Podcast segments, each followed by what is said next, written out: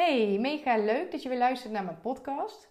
In deze aflevering wil ik jou meenemen ehm, naar het onderwerp vorige generatie belasting. Want het is best wel een beladen en groots onderwerp. En veel mensen vinden het een soort van ver van je bed onderwerp. Maar als ik het dan uitkleed naar eigenlijk veel gangbaardere dagelijkse voorbeelden, dan valt ineens het kwartje. En nou ja, dan, dan, dan komt er zoveel verlichting als je dat stuk weghaalt uit jouw systeem. En de reden dat ik het vandaag met jou over vorige generatiebelasting wil hebben, is omdat ik getriggerd werd dit weekend. Ehm, net zoals vele anderen die eigenlijk veel minder op eh, social media moesten zitten, was ik dit weekend ook aan het scrollen door mijn tijdlijn. En ik kwam daar een influencer tegen en zij was op vakantie met haar gezin. En zij nam mij uitgebreid mee. Um, nou ja, eigenlijk door de dagelijkse gang van zaken daar. En zij waren gefascineerd door een soort van kidsclub waar die kinderen het helemaal naar hun zin hadden.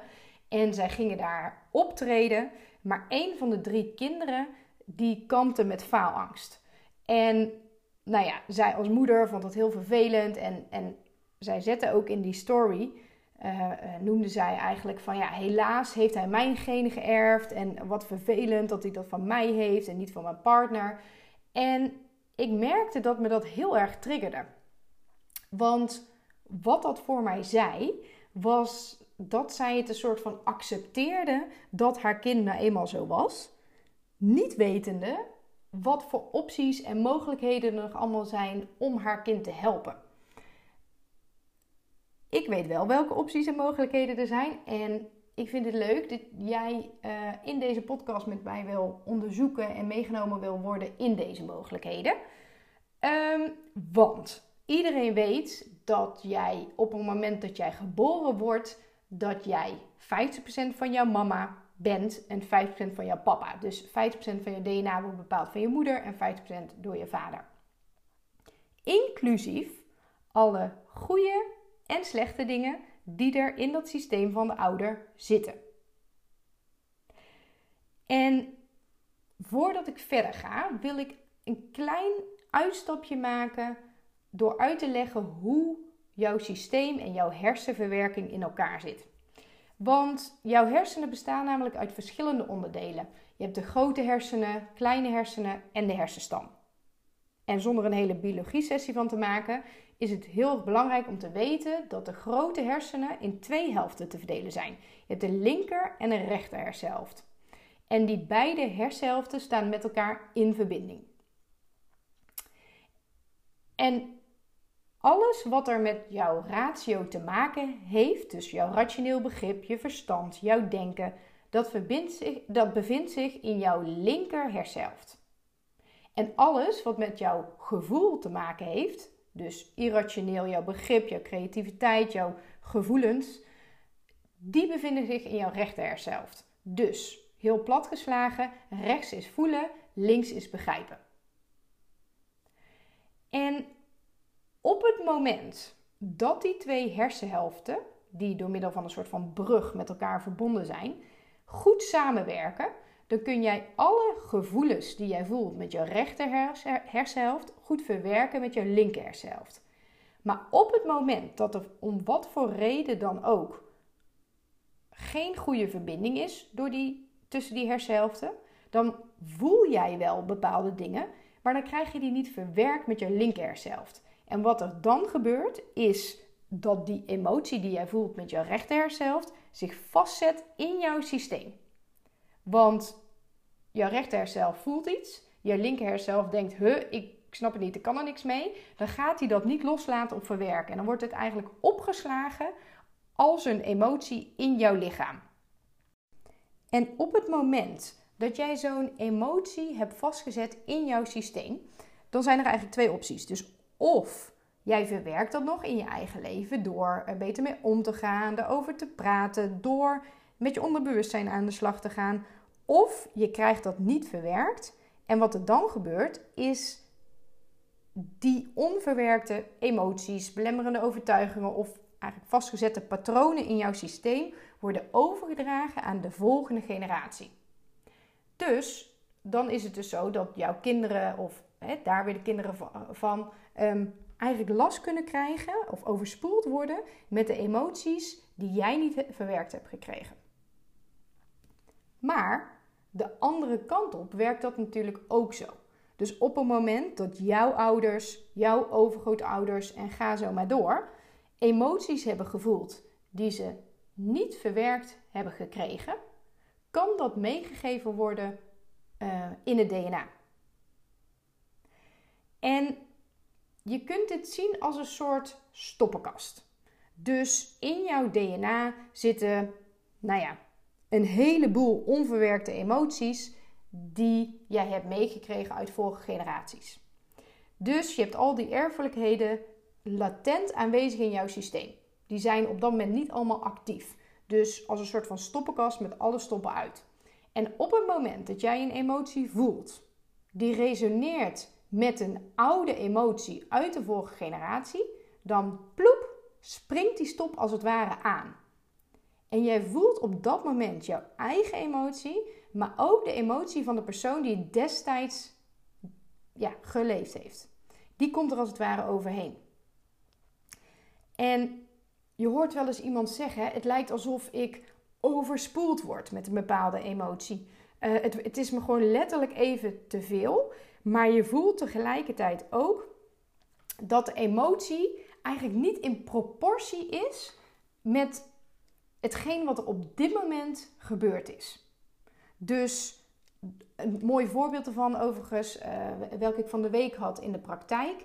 Er kwam een vrouw bij mij op consult en zij had eigenlijk ehm, een angst voor verlies ontwikkeld. Uh, en zij kwam bij mij binnen en ze had recent ook een miskraam gehad, wat natuurlijk hartstikke verdrietig is. Maar zij zegt: Ja, ik ben een soort van bovenmatig of ik heb een angst om alles en iedereen om mij heen te verliezen. Ze, had al een zoontje uh, en haar partner. Dus elke keer als zij wakker werd en haar kind uh, nou ja, sliep een half uurtje later uh, uit dan gebruikelijk was, kreeg zij zo'n doodsangst van: oké, leeft hij nog wel? Is alles goed met hem? Waarvan ze reëel voelde of rationeel voelde van nou, dit, dit, dit is echt overdreven. Um, maar de paniek die ze voelde in haar lijf was alles behalve overdreven. Want het, het was gewoon blinde paniek. Datzelfde als ze klaar was met werken en onderweg op de fiets terug was, zat uh, naar huis. Dat, dat er zo'n onbestemd gevoel over haar heen kreeg van... oh, is er niks met mijn partner gebeurd? Leeft die nog wel? Wat als ik dadelijk thuis kom en, en hij is er niet meer? En zodoende kwam ze bij mij uh, het consult binnen. En nou ja, het mooie was was dat we in dat consult uitkwamen op een triggerpunt. Dus, dus hè, wat voor oud triggert dat? Uh, op een stukje vorige generatiebelasting van uh, twee generaties terug. De moeder van haar moeder. En zij had een emotie gevoeld van de long, en dat staat voor verdriet, wat ze niet had kunnen verwerken, wat zich vastgezet heeft in haar systeem. En de emotie die ze voelde was in dit geval twijfelen aan haar eigen wijsheid. Van klopt het wel wat ik voel? Klopt het wel? Heb ik het bij het juiste eind? En wat er dus blijkbaar was gebeurd, was met het uh, krijgen van die miskraam en de emoties die erbij horen, werd er een oude emotie van twee generaties terug overheen gevoeld. Dus de angst voor een verlies van een kind, hè, of, of het verdriet van het verlies van het kind in de huidige situatie, werd nog eens overspoeld met een oude generationele belasting van twee generaties terug. Haar oma is al overleden, dus het diende haar ook helemaal niet meer. Um, waardoor ze een soort van irreële angsten had ontwikkeld. Nou, in dat consult hebben wij natuurlijk dat triggerpunt losgekoppeld en die, die emoties eraf gehaald. Um, ja, en ze zei, joh, ik, ik, ik, ik begin overal te tintelen, ik voel het weer stromen, ik voel me rust in mijn lijf, want ze was een soort van constant gestrest. En nou ja, dat is dus een van de dingen die generatiebelasting met je kan doen. Um, wat ook nog wel een mooie is, is dat ik heb sowieso een hele speciale band eigenlijk met dit thema. Want ik kan ook mijn eigen verhaal hier nog over delen. In mijn allereerste consult, waar ik totaal geen idee had van wat kwam ik eigenlijk doen, wat is nij, wat, nou ja, ik, ik had echt geen idee. Kreeg ik ook te maken met vorige generatie belasting. Want ik ging ehm, op consult, mijn allereerste nijconsult, en ik had net twee miskramen gehad. Um, de eerste miskraam dacht ik nog, joh, kan iedereen gebeuren. Maar bij de tweede keer dacht ik, hier klopt iets niet. En in het ziekenhuis zeiden ze, joh, probeer het nog een keer. Dit zijn de feiten. 1 e, op de zoveel procent uh, gaat gewoon een keertje mis. En ik voelde dan alles, nee, hier klopt iets niet. Mijn lichaam heeft me iets te vertellen. En ik kwam aan op dat nijconsult en eigenlijk waren we nog geen vijf minuten bezig. Of ik was al in dikke tranen, terwijl, nou ja, ik, ik, ik was niet altijd heel open en, en, en, en uh, transparant over mijn emoties. Maar het voelde zo sterk dat het bij het juiste eind was. Wat bleek namelijk? De ingang van mijn consult was: ik kan moeiteloos zwanger worden en blijven. En zwanger worden was bij mij geen probleem. Maar het zwanger blijven dus wel, blijkbaar. En daar bleek dus ook een vorige generatiebelasting op te zitten van mijn oma. Dus in dit geval ook de, de moeder van mijn moeder. En nou ja, zonder echt in details uit te wijken, zij had een emotie vastgezet in, in haar systeem van de nier. En je, nier, je nieren staan voor angsten.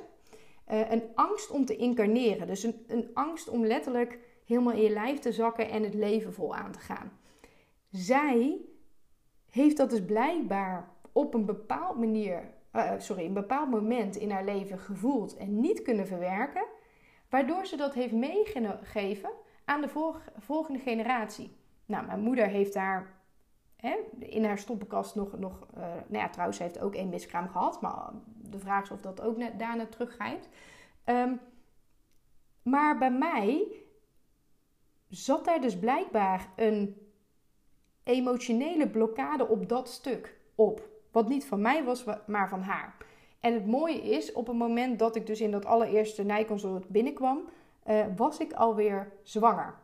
En we hebben die wel echt pas vier, vier en een halve week. Ik, ik, ik weet altijd heel vroeg aan uh, misselijkheid en ziekte dat ik uh, zwanger ben.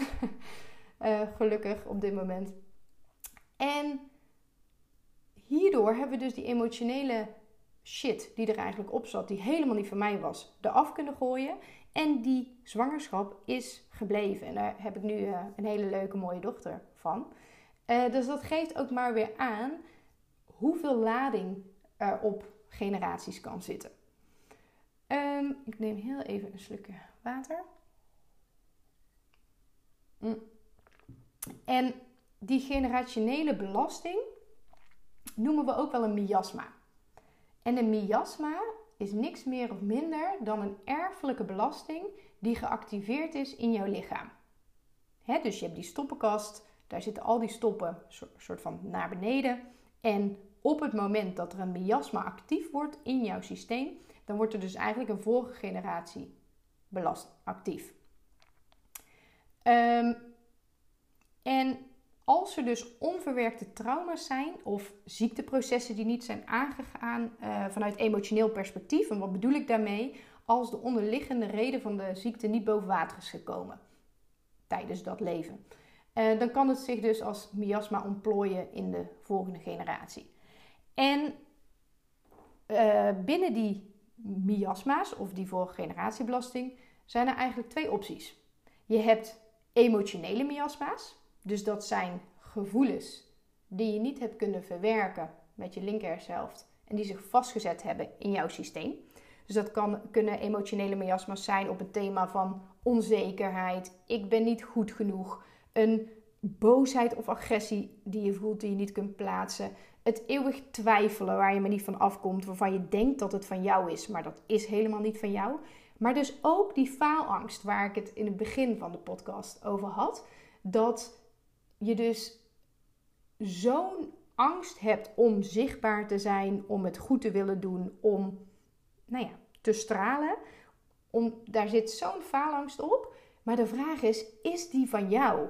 Want juist als je zegt, ja, mijn moeder had er ook al last van en haar moeder had er ook al last van en ik heb er zelf ook last van, dan denk ik, hé, hey, dat is mooi. Want jij denkt zelf, nou, dit zit zo diep, daar kunnen we niks aan doen voor mij is het een trigger dat het soms, de oplossing soms veel dichterbij ligt dan je denkt. Want het hoort niet bij jou. Het zit alleen opgeslagen in je DNA, maar het is aan jou zelf of je daar iets aan wil doen of gaat doen. Dus dat is de ene variant, de emotionele miasma's. Een andere variant is de fysieke miasma's. Dus dat zijn uh, uh, voorbeelden als eczeem, psoriasis, wat in de familie zit, um, uh, miskramen dus ook. Hè? Dus je hebt, je hebt ook echt generaties lang waar, waar, waar alle vrouwen last hebben van miskramen. Wat, wat is de boodschap? Wat wilden die miskramen ons vertellen? Wat voor onverwerkte emoties zitten eronder van jou of al eerdere generaties die we weg kunnen halen, waardoor we dat patroon kunnen doorbreken? Maar ook schildklierproblemen. En daar deelde ik laatst al iets van op Instagram, maar ik vind het ook wel mooi om het hier even te benoemen. Ik kreeg een vrouw bij mij op consult. Ik denk nu drie maanden terug. En nou ja, ik doe altijd natuurlijk een soort van intake van, van hè, waar kamp je mee. Ze had recentelijk een miskraam gehad. Haar hormonen waren helemaal uit balans. Haar cyclus, nou, die was er niet eens. En zij gaf ook aan last te hebben van chronische schildklierproblemen. En zij zegt, ja, dat is nou eenmaal wat het is. Want mijn moeder heeft er last van, mijn oma heeft er last van. Iedereen heeft daar last van. Toen dacht ik, hey, dat vind ik interessant, want daar kan ik wat mee. En we zijn nog niet eens zozeer, hè, want wat het belangrijkste was, zij, zij heeft een kinderwens. Dus het belangrijkste was om eigenlijk zo snel mogelijk weer die hormonen, die cyclus uh, en die menstruatie eigenlijk uh, op gang te krijgen. Um, om eigenlijk die kinderwens weer actief te kunnen laten zijn. Maar je schildklier is ook een onderdeel van je hormonen. Dus op een van de sessies die ik bij haar heb gedaan, zijn we ook aan de slag gegaan met haar schildklier. Nou, en het zal je niet verbazen dat uh, die schildklierproblemen zaten chronisch in de vrouwenlijn. En het zal je ook niet verbazen dat we tijdens dat consult um, op die generaties uitkwamen. En emoties die horen bij jouw schildklier zijn bijvoorbeeld een verlangen naar vrijheid, uh, wisselende emoties, onmacht. Uh, anderen kunnen het beter, denken niet alleen te kunnen. Dus, dus um, op dat soort thema's zat generationele belasting in haar systeem. En ja, het, echt, het, gave is dat zij mij een aantal weken terug heeft laten weten. Ze is volgens mij op, vier keer bij mij op consult geweest. En ze heeft ook de workshop Biotensor gedaan ter ondersteuning om, om zelf uh, uh, kunnen checken of alles goed is met haar lichaam. En zij heeft een aantal weken terug haar waardes laten testen in het ziekenhuis. Ze is inmiddels gestopt met de medicijnen en haar waardes waren weer in balans. Wat dus betekent dat zij geen schildklierproblemen meer heeft. Um, welke dus zijn opgelost door de emotionele blokkades eronder uit te halen. En dat is waar ik, of eigenlijk waar Nij in gelooft. Dus op het moment dat jij gaat kijken, wat zijn de emotionele blokkades die ten grondslag liggen aan jouw emotionele of fysieke klachten, en je haalt deze blokkades weg, dan is het ook niet meer nodig om deze klachten zichtbaar te laten zijn. En ik blijf dus ook bizar vinden als ik me besef hoe weinig mensen nu echt hiervan afweten, hè, de werking van het onderbewustzijn. En dat heeft me dus best wel aan het denken gezet. Van wat kan ik hierin doen? Wat kan ik hierin betekenen? Hoe kan ik eigenlijk mijn slagkracht daarin groter maken? Want ik kan eigenlijk maar een bepaald aantal mensen natuurlijk per dag helpen. En zodoende heb ik een programma ontwikkeld uh, van drie maanden lang. Het is een traject en het gaat heten, of het heet uh, jouw energetisch fundament. En eigenlijk is dit een traject waarbij ik eigenlijk een unieke reis maak door jouw onderbewustzijn, samen met jou. Um, en ik leer jou hoe je dus uh, via NIJ die blokkades in jouw onderbewustzijn kunt opsporen en verwerken. Dus dit traject geeft jou inzicht, kennis, tools om blijvend je patronen te doorbreken uh, en om jouw oude ballast, eigenlijk los te laten. En samen duiken we dus het onderbewustzijn in en gaan we op zoek naar de blokkades welke jouw innerlijke vrijheid belemmeren. En eigenlijk alle aspecten welke jouw groei, puurheid en bewustwording in de weg staan, kijken wij stap voor stap aan. En um, nou ja, die ruimen we op. Waardoor je eigenlijk altijd kunt terugvallen op jouw energetische fundament. En je deze dus eigenlijk blijvend kunt inzetten uh, bij het opruimen van je blokkades en je hobbels, welke je tegenkomt onderweg op zowel zakelijk als uh, privégebied. En even kijkende naar welke thema's er aan bod gaan komen in dit traject. Ehm, is allereerst het verbinding maken met de biotensor. Dus dat is echt de workshop biotensor en dat is ook als eendaagse los te boeken. Dat is puur heel praktisch. Hoe werkt het en dergelijke? Uh, wat is ja, wat is nee? Hoe kun je energie toevoegen? Hoe kun je energie afvoeren? Maar je leert niet echt het kijken naar de emoties eronder. Dat gaat echt pas vanaf uh, het traject zelf lopen. Wat we nog meer gaan doen, uh, welke thema's nog meer aan bod komen, is of zijn belemmerende overtuigingen. Want wat vertel jij jezelf dus onbewust, waardoor je je eigen groei tegenhoudt? En je krijgt hierin inzicht welke belemmerende overtuigingen er bij jou actief zijn. En we zorgen ervoor dat deze ook geëlimineerd kunnen worden uit jouw systeem. Daarnaast komt hooggevoeligheid aan bod. Want 9 van de 10 cliënten die ik in mijn praktijk zie, die zeggen ook last hebben van gevoeligheid of hooggevoeligheid. Um, maar hier zit heel vaak een oorzaak aan. Dus er is een moment geweest in jouw leven waarop jij besloot: ik heb alert te zijn of ik heb alert te blijven. Dus ik ga je daar ook uh, handvatten in bieden om te kijken wat ligt hier aan ten grondslag. Innerlijk kindwerk, hè, een basisbehoefte. Dus waar ben jij in je jeugd eigenlijk al beschadigd door of een specifieke traumatische gebeurtenis, maar het kan ook zijn doordat er niet altijd aan jouw basisbehoefte is voldaan. Um, en dit, ja, dit kan sporen achterlaten en maken dat jij eigenlijk dagelijks uh, strubbeling ervaart. Ook gaan we werken vanuit de vijf elementen. En dat kun je eigenlijk zien als een volledige kapstok om je fysieke en emotionele klachten vanuit verschillende invalshoeken te bekijken. Dus waar sommige andere therapeuten misschien alleen inzoomen op het innerlijk kindstuk, of alleen op gevoeligheid, of alleen op belemmerende overtuigingen, biedt die vijf elementen eigenlijk jouw volledige kapstok om vanuit verschillende invalshoeken te kijken van wat blokkeert er nou allemaal om weer je helemaal vrij te voelen, om je helemaal puur te voelen, om nou ja, in een lekkere flow te komen. De orgaanklok komt ook aan bod. Um, nou ja, hè, wat hebben jouw organen je te vertellen? Hè? Dus heb jij altijd eh, op een bepaald moment dat je wakker schiet uh, in de nacht, heb jij gedurende de dag altijd een dip op een bepaald moment? Dan kun je denken, oh dat komt omdat ik uh, zwaar eet of iets dergelijks, maar er kan ook nog een emotionele oorzaak onder liggen. Incarnatie komt aan bod, dus lukt het jou om volledig in je lijf te zakken of zit jij nog te veel in je hoofd? Hè? Dus kun je echt goed voelen wat je wil of staat daar iets in de weg? Um, en saboteurs gaan we ook mee werken. Um, klinkt niet zo heel gezellig. Um, het is eigenlijk een overlevingsmechanisme wat je al lange tijd in jouw systeem hebt zitten en wat al die tijd als helpend werd ervaren, maar wat jou nu in de weg staat om te groeien. Dus het is dan eigenlijk de hoogste tijd om die saboteur aan te kijken en ook om te verwerken uit jouw systeem. En deze thema's komen allemaal terug in het drie maanden traject Jouw Energetisch Fundament. Dus jouw gevulde rugzak om eigenlijk elke blokkade en elke hobbel op jouw weg aan te kunnen. Heel praktisch gezien, um, het traject begint in november. Er zit nog een early bird tarief op uh, tot midden oktober. Super interessant om even te kijken. En in dat traject zitten zes live dagen inbegrepen. Er zit een één op één sessie met mij inbegrepen.